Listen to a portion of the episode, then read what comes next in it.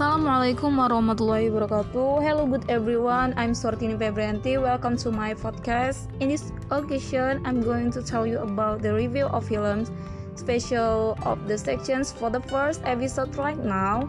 The topic is Netflix film The Social Dilemma. This documentary from Joe Orlowski explores how addiction and privacy breaches are features not networks of social media platforms. That social media can be addictive and creepy isn't a revelation to anyone who uses Facebook, Twitter, Instagram, and the like. But in Jeff Orlowski's documentary, The Social Dilemma, concession, concession, the concession defectors from these companies explain that the perniciousness of social networking platform is the feature, not the book. They not the book.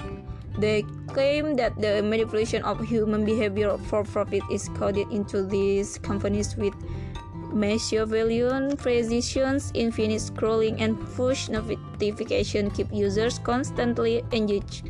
Personalized recommendation use data not just to predict but also to influence our actions, turning users into easy prey for advertisers and propagandists. As in his documentaries about climate change, chasing ice, and chasing coral, Orlowski takes a really reality that can seem too colossal and abstract for a lay person to grasp, let alone care about and scales it down to a human level. In the social dilemma, he's, he recounts one of the oldest tropes of the horror genre, Dr. Frank, Frank's, Frankenstein, the scientist who went too far for the digital age. In briskly edited interviews, Orlowski speaks with men, men and a view women who helped build the social media and now feel the effects of their of their creations on users' mental health and foundation of the democracy. They delivered their cautionary testimonies with the force of startup pitch, employing Chris algorithm and PT analogies. Never before in history have System designers made decisions that would have an impact on 2 billion people, says Tristan Harris, a former design ethicist at Google. Anna Lembke, an edition expert at Stanford University, explained that these companies exploit the brain's evolutionary need for interpersonal connection, and Roger McNamee an early an early investor in Facebook delivers a chilling allegation, uh, allegation Russia didn't have Facebook, it simply used the platform. Much of this is familiar, but the social dilemma, dilemma goes the extra explainer mile by interfacing the interviews with PSA style fictionally fictional scans of suburban families suffering the conse- consequence consequence of social media addiction, there are silent dinners of Pascal Dutcher, Sophia Hammons with self-image issues, and a teenage son, Skyler Gisondo, who is radicalized by YouTube recommendation from the ambiguous ideology. This fictionalized narrative exemplifies the limitation of the documentary, sometimes hyperbolic emphasis on the medium at the expense of the message. For instance, the movie's interlocutors find an increase in mental illness on social media usage yet don't acknowledge factors like a rise economic insecurity, polarization, riots, and protests are present presented as particular symptoms of the social media era without historical context.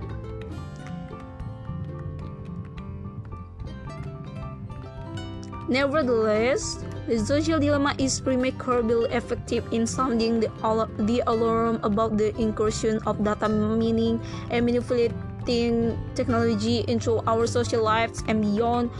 Uh, our lives, our lives film is is itself is it itself not spared by the phenomenon it scrutinizes scrutinizes? The movies is it streaming on Netflix where where it, be, it will become another node node in the service database algorithm.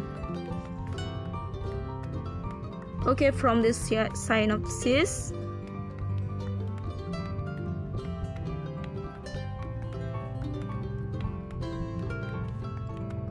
according to me, the movie of social dilemma film it teach our about self-control and open eyes with our mindset that is make me aware of mental psychology. It is important knowledge in our and recommended for watching.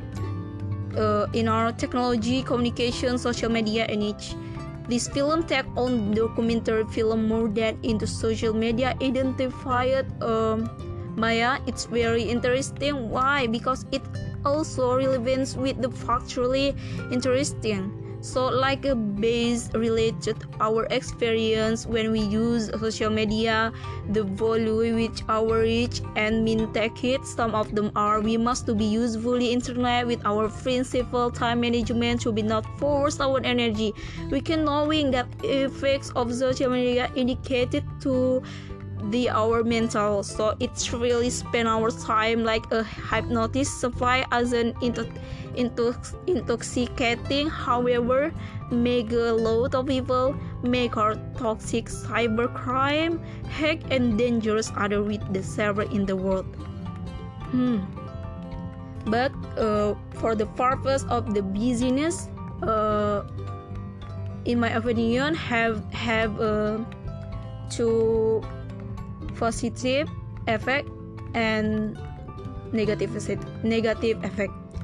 Um, for example for example online shopping increase our business platform but negative effects have negative effects have a fake product and investor very much and we will be carefully for the using social media.